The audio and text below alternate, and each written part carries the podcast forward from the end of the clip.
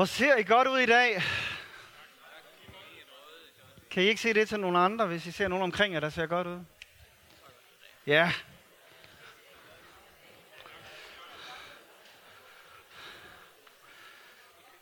Det er simpelthen bare en fornøjelse at se på jer. I er gode, og I fik stille tiden i nat og kom op til tiden. Så godt. Virkelig smooth hvid skjorte, Thomas hedder i der. Ser, den ser virkelig godt ud. Og Jørgen har fået lidt farve i hovedet, og frisk og veludvilet efter overlov. Nu er vi jo i gang med en tro, der gør en forskel. Jakobs brev.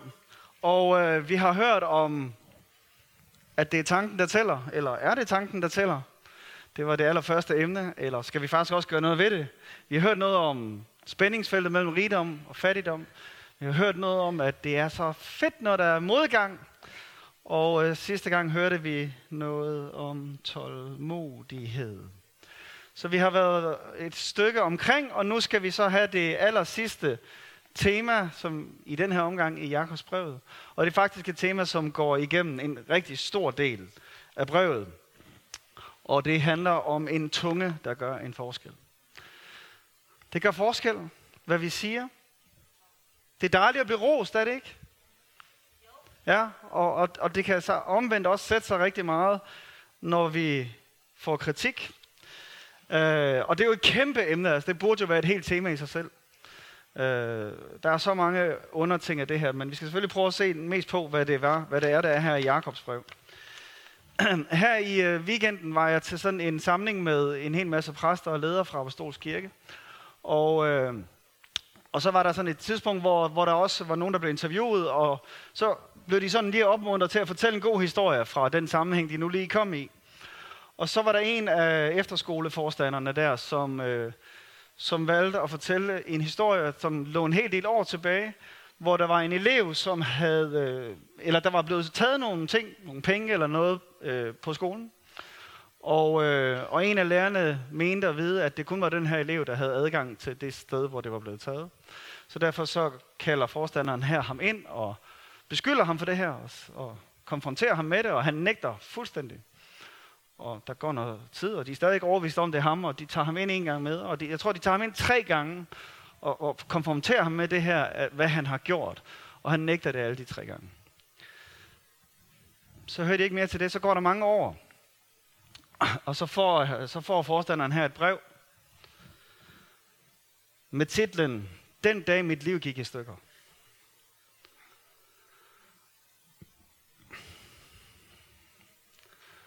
Hvor han fortæller om, hvordan fra den dag gik det ned ad bakke. Hvordan det knækkede ham. Hvordan den der mistillid og de der anklager havde sat sig i ham. Ord er bare vildt vigtige. Og jeg er sikker på, at der er nogen af os, der sidder med nogle ord, som vi har hørt tilbage i tiden, som stadigvæk sidder fast. Og forhåbentlig er der også nogen, der sidder med nogle gode ord, som vi har hørt tilbage i tiden, som vi også holder fast i. Men det er ikke tilfældigt, at Jakob bruger så meget tid i løbet af, af hans brev her på at tale om de ord, vi siger. For de har en enorm magt på os. Og derfor så lægger han også sådan forholdsvis hårdt ud. Den, der mener at dyrke Gud, men ikke tøjler sin tunge, fører sig selv bag lyset. Hans gudstykkelse er intet værd. Slam. Så hvis du synes, at du øh, dyrker Gud, og synes, at du er krist, og synes, at det går fint, men du ikke har styr på dine ord, så er det ingenting værd, siger han. Ingenting værd. Og vi kommer lige fra det her, så den her passage, hvor, som vi havde op for to uger siden, hvor, hvor han egentlig lige har sagt, alle gode gaver kommer fra Gud. Lutter gode og fuldkommende gaver fra Gud. Og så, hum, men hvis. Og så har han lige sagt, en hver skal være snar til at høre og sent til at tale. I den hverdagsstand skal sige den hvis den skal være, det er du, du, du, den hverdagsdanske hedder noget andet. Nå. Det er noget med, at du skal tænke, før du taler. Og det tror jeg nok, vi alle sammen har oplevet, at det er en god idé at tænke, før vi taler. Altså det er det, han mener med, at vi skal være hurtige til at tænke og langsomme til at tale. Og øh, det har han sagt lige før det her. Og så siger han nu, den der mener at dyrke Gud, men ikke kan styre sin tunge. Hans gudstyrkelse er ingenting værd.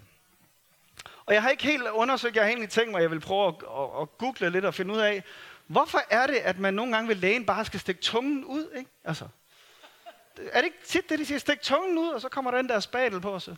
Altså, det, det er jo en diagnose på en eller anden måde. Stik tungen ud, og i virkeligheden så tror jeg egentlig, det er lidt det, han er inde på her. Det, der kommer ud af din mund, det er en diagnose.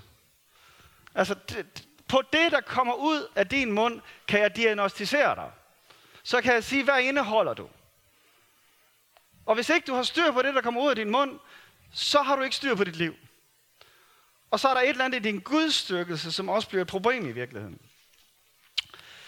Og øh, så lad os hoppe til kapitel 3. Der siger han det sådan her. Mine brødre, kun få af jer skal være lærere. I ved, at vi får en særlig hård dom. Alle begår vi mange fejl.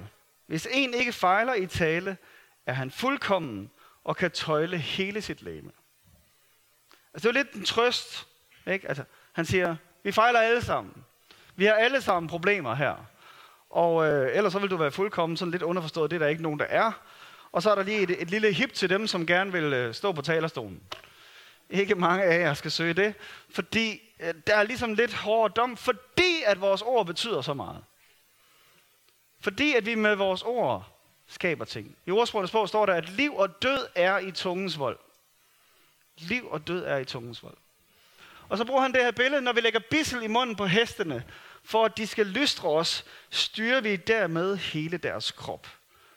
Altså den der store, vilde hest, så kan vi lægge sådan et lille bissel ind i munden på den, og så kan vi lige pludselig styre den. Og det er det billede, han bruger med vores tunge. Det er vores tunge, der styrer resten af vores liv. Så, så hvis ikke vi har styr på vores tunge, har vi ikke styr på resten af vores liv. Og øh, hele det her næste afsnit, der kører han rundt i, jeg ved ikke hvor mange, syv metaforer, tror jeg. Øh, men pointen her er, der er en lille bitte del, der har en stor effekt.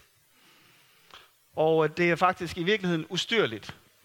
Vi kan, ikke, vi kan faktisk ikke kontrollere den. Jubi.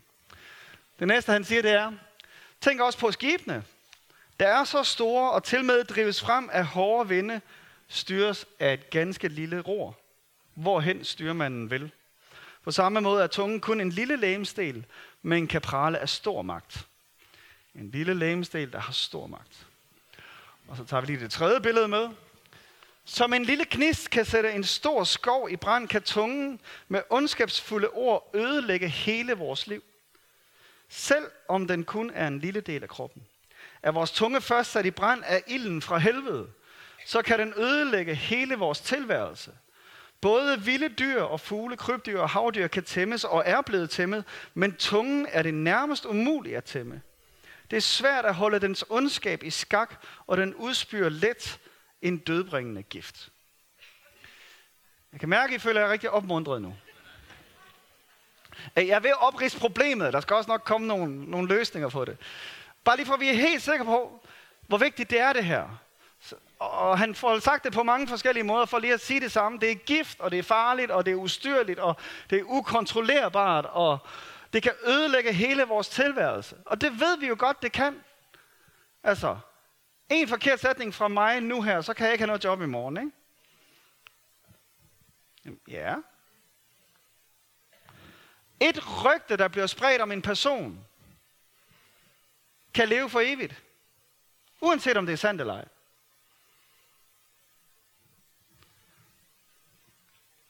En løgn, du får fortalt, som du resten af dit liv skal gå og brygge videre på. Ikke? Hørte engang en sige, løgne er tidsindstillede bomber. Det, det er rigtig godt sagt. Det eksploderer på et eller andet tidspunkt. Vi ved ikke hvornår, men det eksploderer på et eller andet tidspunkt. Og det der pres at gå rundt og holde fast i den der løgn. Ikke? Så i bund og grund, det er vilde kræfter, vi har med at gøre. Det er så lille en del af vores læme, som faktisk er der for at styre det der. Og, øh, og det har langt rækkende konsekvenser. Nu har vi set alle de her skovbrænde senest her i Kalifornien. Ikke? Altså en lille gnist får tændt en skovbrand, og så er det ikke til at styre bagefter. Og det er det nogle gange vores ord kan. Øh, og det er Bibelen er fyldt med det her. Altså Bibelen er fyldt med advarsler og fyldt med formaninger og ting og sager, der har at gøre med de ting, vi siger. Vi kan bare lige tage en lille opmuntrende liste her.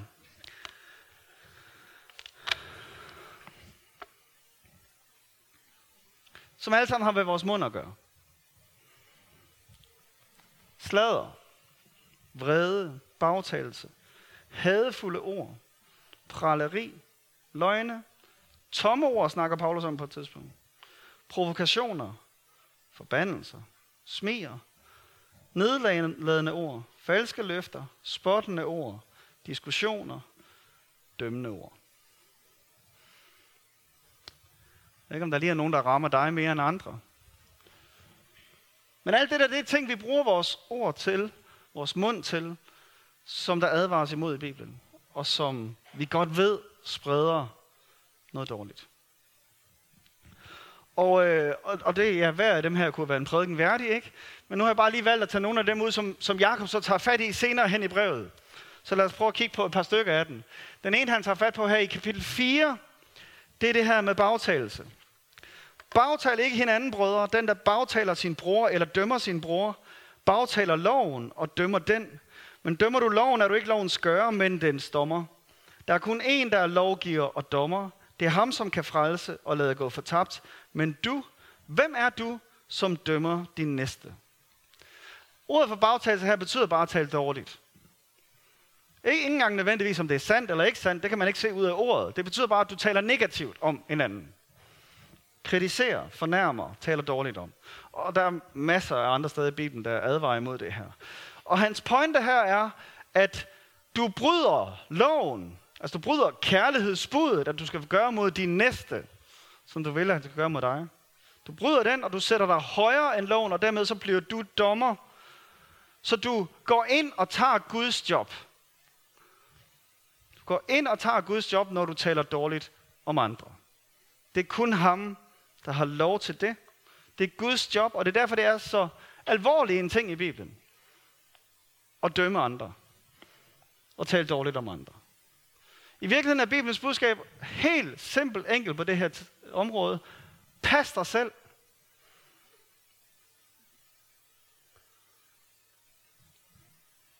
Pas dig selv. Men mindre du er i en position, hvor du er sat på Guds plads, altså hvor du er sat som leder af den her gruppe, eller leder for den her menighed, eller et eller andet sted, så er der også nogle vers, der siger, hvad skal vi gøre i de der situationer? Men i bund og grund, så hedder den, pas dig selv. Lad være med at bekymre dig om, hvad de andre gør. Lad være med at kritisere og tale dårligt og fornærme. Pas dig selv. Se på dit eget liv.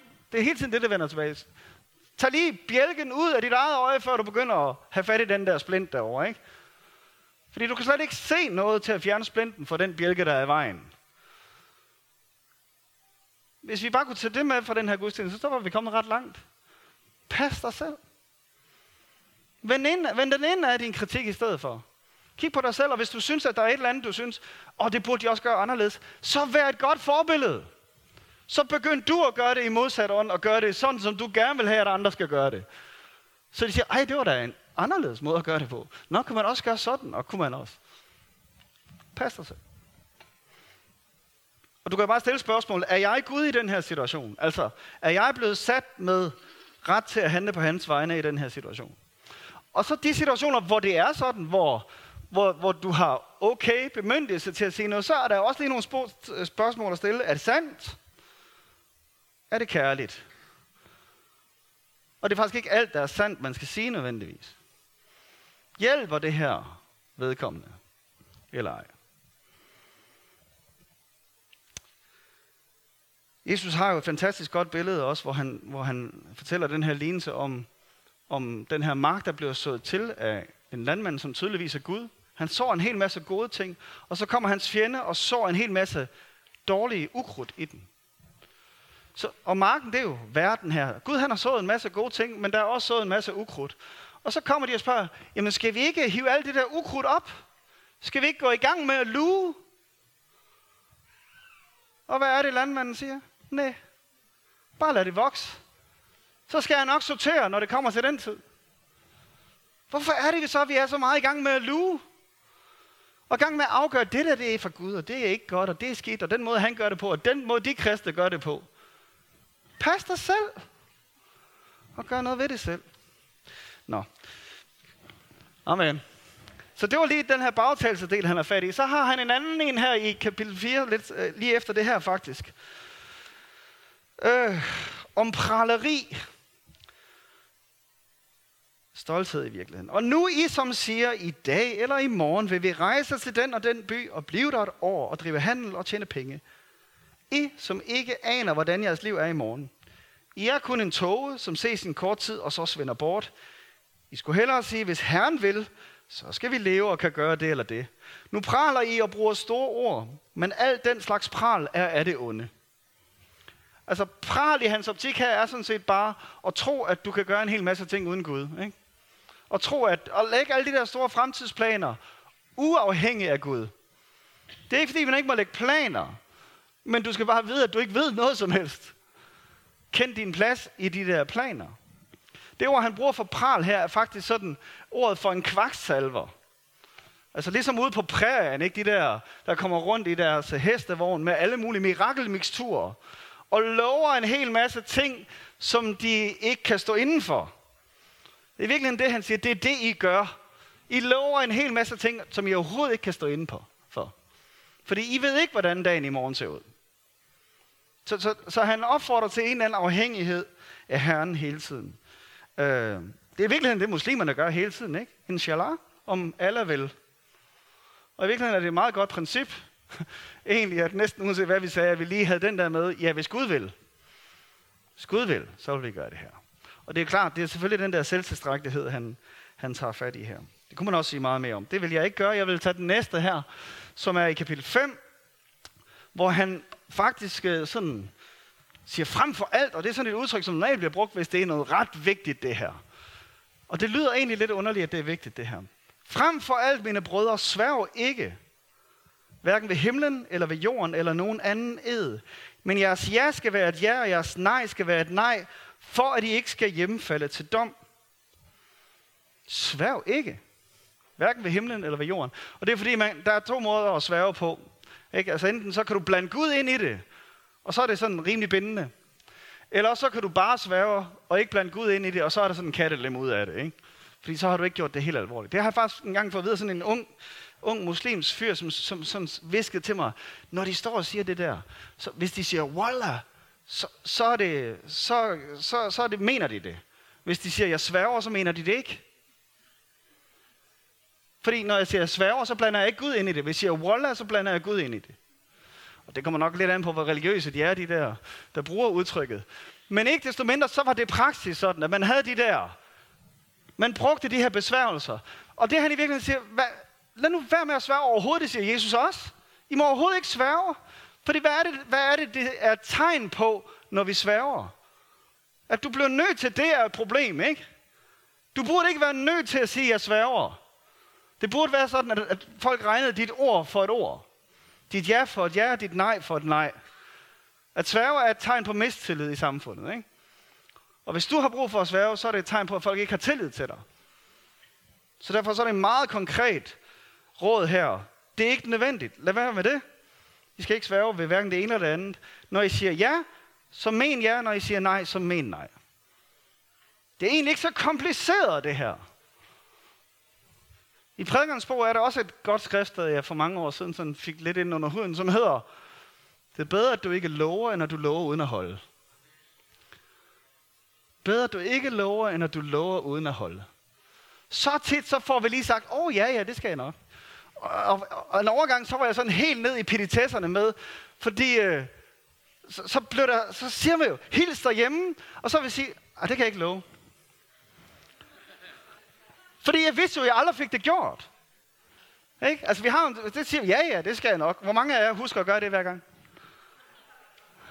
Ja, der, der er nogle få. Men, men, men, og jeg tror, der er rigtig mange ting sådan, hvor vi lader munden løbe lidt for hurtigt i forhold til, hvad vi egentlig føler efter. Og jeg tænker bare, det er nede i pititesser, men jeg tænker, der er alligevel noget grundrigtigt i det. Det der med lige at være opmærksom på, hvad er det, jeg lover andre mennesker? Ved andre omkring dig, at når du siger noget, så gør du det også. Eller har du brug for at sige, svæver? Så, lige for at få den opmuntrende liste tilbage igen. Øh, Jesus siger så, så fantastisk i Matthæus 12, ved at de skal aflægge regnskabet for et hvert ord, jeg har sagt. Så derfor kunne jeg have lyst til, inden jeg går videre lige med nogle punkter, at vi lige beder sammen. øh, prøv lige at kigge på de der og analysere dig selv og det, du lige blev mindet om, måske første gang du så listen der, og sige, okay Gud, hvad er det lige, du vil have, jeg skal arbejde på? Hvad er det, som jeg har brug for at gøre noget ved i mit liv, når det drejer sig om de negative ting, jeg får sagt? Og så lad os lige lægge det over til Gud. Far i himlen, tak fordi at du er en nådig og barmhjertig Gud. Og her tak, at du kender vores kamp med at tøjle vores tunge. Og her vi øh, inviterer dig lige ind, ind lige nu her i det område, vi kæmper mest med måske her. Og her beder om din hjælp. Beder om, at du hjælper os til at tøjle vores tunge. Her vi beder om tilgivelse her, for de gange vi har såret, de gange vi har nedbrudt, de gange vi har fyret pile af steder, som stadig sidder i nogle menneskers liv. De gange vi har talt dårligt om andre, uden at det var vores plads at gøre det. Tilgiv os, her og hjælp os, her. Jeg vil også gerne bede for, for dig, som har nogle ord siddende, som du kan mærke, og du er blevet mindet om i det første, jeg har sagt her, at der er nogen, der har udtalt noget over dig på et tidspunkt, som stadigvæk sidder og nærer dig og sidder fast. Det kan Gud hjælpe med. Og her det beder dig om at gøre lige nu. Jeg beder dig om, her at komme ind, og, ind i de sår, vi har. Her ind i de ord, som, som sidder som pile i os med modhager, som vi ikke kan slippe, og som har måske endda ødelagt vores liv, eller drejet vores liv. Kom med din frihed og din helse lige nu her. Kom og sæt fri fra enhver, et hvert bånd, en hver lænke, der er blevet lagt ned over os. En hver forventning, der er blevet lagt ned over os. Et hvert negativt og kritisk ord, som er talt over os, som vi har taget imod. Fri os fra det i Jesu navn. Kom her og tal det, du ønsker at tale ind over os. Tal dine ord ind over os. Og sæt os i frihed her. Amen. Lad os se lidt på problemets rod. Fordi det, efter det vi lige har læst i kapitel 3, eller det vi læste om skibene og så videre, så siger han sådan her, når han taler stadigvæk om tungen.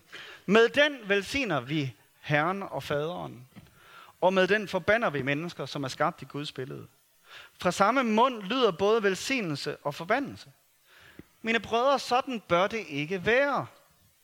Kan en kilde give både fersk og salt vand af samme væld? Mine brødre, kan fintræ måske bære oliven eller et vinstok finere? Nej, og lige så lidt kan en salt kilde give fersk vand.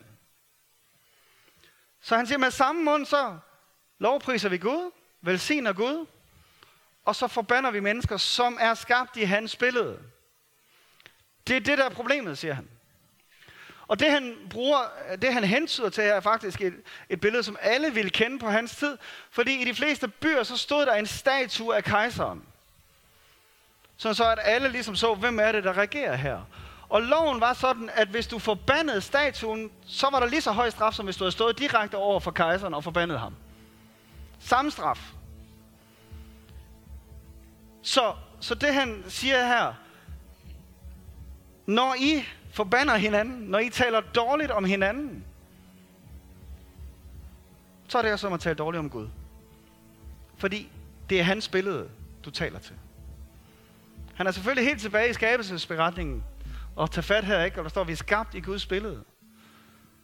Og, og det, det, er jo lidt tilbage til vores tema, hvor, vi snak, hvor jeg talte om det her med at være en nogen. Og alt det, I har gjort mod en af disse mine mindste, siger Jesus, har I gjort mod mig.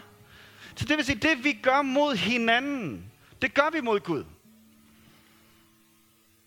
Du kan ikke sige, åh, oh, jeg priser dig, Gud, og jeg hader dig. Et andet menneske, som er skabt i Guds billede. Han siger, det kan ikke lade sig gøre. Han siger, det er unaturligt. Det er lige så unaturligt som, hvis Et fintræ giver oliven, eller en vinstok giver finer. Det er imod den natur, der burde være i jer.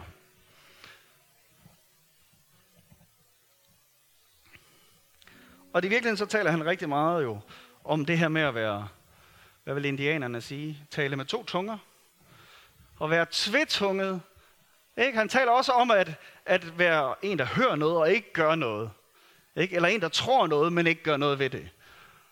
Så, så der er en eller anden inkonsistens, han taler til her, som vi jo nok alle sammen oplever i vores liv, at der er et eller andet, der ikke helt hænger sammen, hvor vores, vores liv og det, vi bekender over for Gud, ikke altid hænger sammen med det, der sker i vores liv.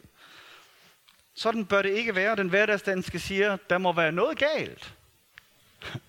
Der må være noget galt, når det er sådan. Der er et eller andet, hvor kilden får produceret noget forkert vand. Så vi har et problem. Så lad os da prøve at kigge lidt på løsningerne. Og det er faktisk ikke altid så let lige i Jakobs brev at finde løsningerne. Fordi det er sådan meget underforstået, men, men lad os lige prøve at kigge lidt på det i hvert fald. Tilbage til noget af det, vi læste. Når vi lægger bissel på hestene for, at de skal lystre, og styrer vi dermed hele deres krop, sagde han. Og når han taler om roret, så taler han jo om, at skibet sejler ikke derhen, hvor roret vil, men derhen, hvor styrmanden vil.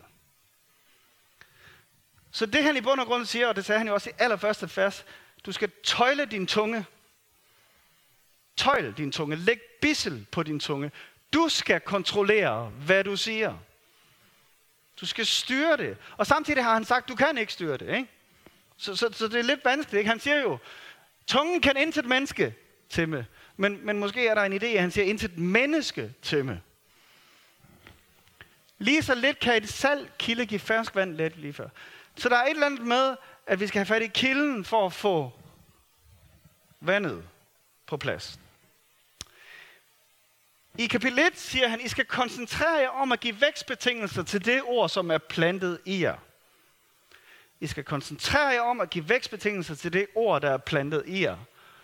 Når I fordyber jer i frihedens fuldkommende lov og bliver ved med at holde den for øje, og så begynder han at tale om, at hvis ikke du tøjler din tunge, er det en gudstyrke, så ingenting værd. Så, så rækkefølgen her er, at det ord, som vi har fået, det ord, der er talt til os, det ord, vi læser, Guds ord i os, skal vi give gode vækstbetingelser. Det skal være den kilde, vi graver fri. Så det er det vand, der kommer frem. Det skal være det træ, vi nærer og plejer, så det er den frugt, der kommer ud. Så, det, så vi har allerede kilden, vi har allerede potentialet til at tale godt, til at tale positivt, til at tale velsignende og alle de her andre ting. Det handler om, at vi skal give det plads, som allerede er i os. Vi har brug for, at det bliver et samarbejde mellem os og Gud. Vi skal give det plads. Han er kilden til det. Men det er os, der også tøjler. Det er os, der lægger bissel i munden på den her hest. Og siger ikke den vej der, men den vej der. Jesus siger det samme jo, hvad hjertet er fuldt af, løber munden over med. Det er jo ikke bare ord, der kommer. Ordene kommer et eller andet sted fra. Når du bliver vred og opfarende, eller forbander en eller anden, eller taler negativt om et eller andet, så kommer det jo ikke bare fra din mund, det kommer fra dit hjerte. Det kommer fra dit indre. Det kommer med noget andet, du har fyldt dig med. Jeg, jeg, jeg har den her jo, hvor jeg siger, sårede mennesker, sårer mennesker. Ikke? Men det gælder jo på alle de her områder. Der er en årsag til, at vi siger det, vi siger. Der er en årsag til, at vi er negative på det her område. Der er en årsag til, at vi ikke kan lide de her mennesker, og så videre. Det bunder alt sammen i noget, og det er det der noget, vi skal have fat i. Det, det er ikke bare symptombehandling, vel? Vi får måske diagnosen, når vi hører, hvad vi siger. Har I nogensinde sagt, ups, sagde jeg det? Har I nogensinde oplevet det? Hov, hvor kom det fra? Indenfra. så, så når diagnosen er kommet, så, så, så er det, vi kan begynde helbredelsen af det og finde ud af, hvor kom det så fra? Hvorfor tænker jeg sådan om ham? Eller hvorfor blev jeg sur i den her situation? Eller hvorfor har jeg behov for at bagtale nogen? Eller, eller hvorfor har jeg behov for at prale? Eller alle de her ting. Så tøjl tungen tak. Og den anden side er jo så, at Bibelen er fyldt med, at tungen kan noget andet også. Tungen kan velsigne. Tungen kan ære, tungen kan trøste og opmuntre og lovprise. Vi kan bede, og den kan give tilgivelse, og den kan komme med håb og formaninger. Det er faktisk en positiv ting. Ikke? Tungen kan rigtig mange gode ting også. Og der er en masse af opfordringer til det her hele vejen igennem Bibelen også. Om vores tunge, der gør en forskel. At vi får det her frem i stedet for i vores fællesskab. Det betyder noget, hvad du siger til andre mennesker. Er der nogen her, der er børn? Det er I alle sammen. Hvad er det, der står om børn? De skal ære deres forældre. Er der nogen her, der er forældre og har oplevet, at det er godt at blive æret af sine børn? Hvad er det, forældrene skal? De må ikke provokere, fædrene specielt, må ikke provokere deres børn. Der er nok en eller anden tendens der måske. Så, så der er en hel masse sat ind i det. Ægteparet er din hustru, er din mand. Der er nogle bestemte relationer, hvor ordene tæller mere end én gang. Ikke? Hvor de tæller dobbelt eller trippel eller fire gange så meget. Det betyder noget, hvad en far siger til sin datter. Det betyder noget, hvad en ægte mand siger til sin kone. Det betyder noget, om en kone opmuntrer sin mand. Det der er rigtig mange af de der, som, hvor der er noget ekstra betydning i det, og der kunne vi lave et studie over hver af de her, fordi Bibelen er fyldt med gode råd i forhold til det her. Og, og der er jo en eller anden kaldelse til os til at gøre det her. Til at det er de der ting, der kommer ud af vores mund, i stedet for de andre ting, vi havde fat i lige før. Salme 19.15 siger sådan her, Giv alt, hvad jeg siger med min mund, og alt, hvad jeg tænker i mit hjerte, er noget, du kan acceptere. Den tager jeg lige en gang mere. Salme 19.15. Giv alt, hvad jeg siger med min mund, og alt, hvad jeg tænker i mit hjerte, er noget, du kan acceptere. Amen. Lad os bede sammen. Herre, jeg beder om, at vores tunge, vores mund, de ord, vi siger her, må være ord til opbyggelse og velsignelse, og ikke ord, der driver ned og forbander. Og her jeg beder om, at du hjælper os at diagnostisere os selv, når det ikke er det, der kommer ud af vores mund. Hjælp os at se, hvor problemet er. Og hjælp os at give gode vækstbetingelser for dit liv i os, dit vand i os, din vækst i os. Så det får plads og luft og kan vokse og blive større. Her jeg beder om hjælp til at tøjle, hjælp til, at vi mere og mere taler godt, mere og mere taler positivt, mere og mere styrker og opmuntrer og velsigner hinanden. Må vi være en kirke her, som er kendt for det. Hvor vi er en kirke, der er kendt for at tale liv, tale opmundring, tale håb, for at velsigne med vores ord. Og tak her, at du for hver af vores vedkommende vil føre os i proces i det her. Vis os vores eget hjerte, og må det ende sådan her, at alt, hvad vi siger med vores mund, og alt, hvad vi tænker i vores hjerte, er noget, du kan acceptere.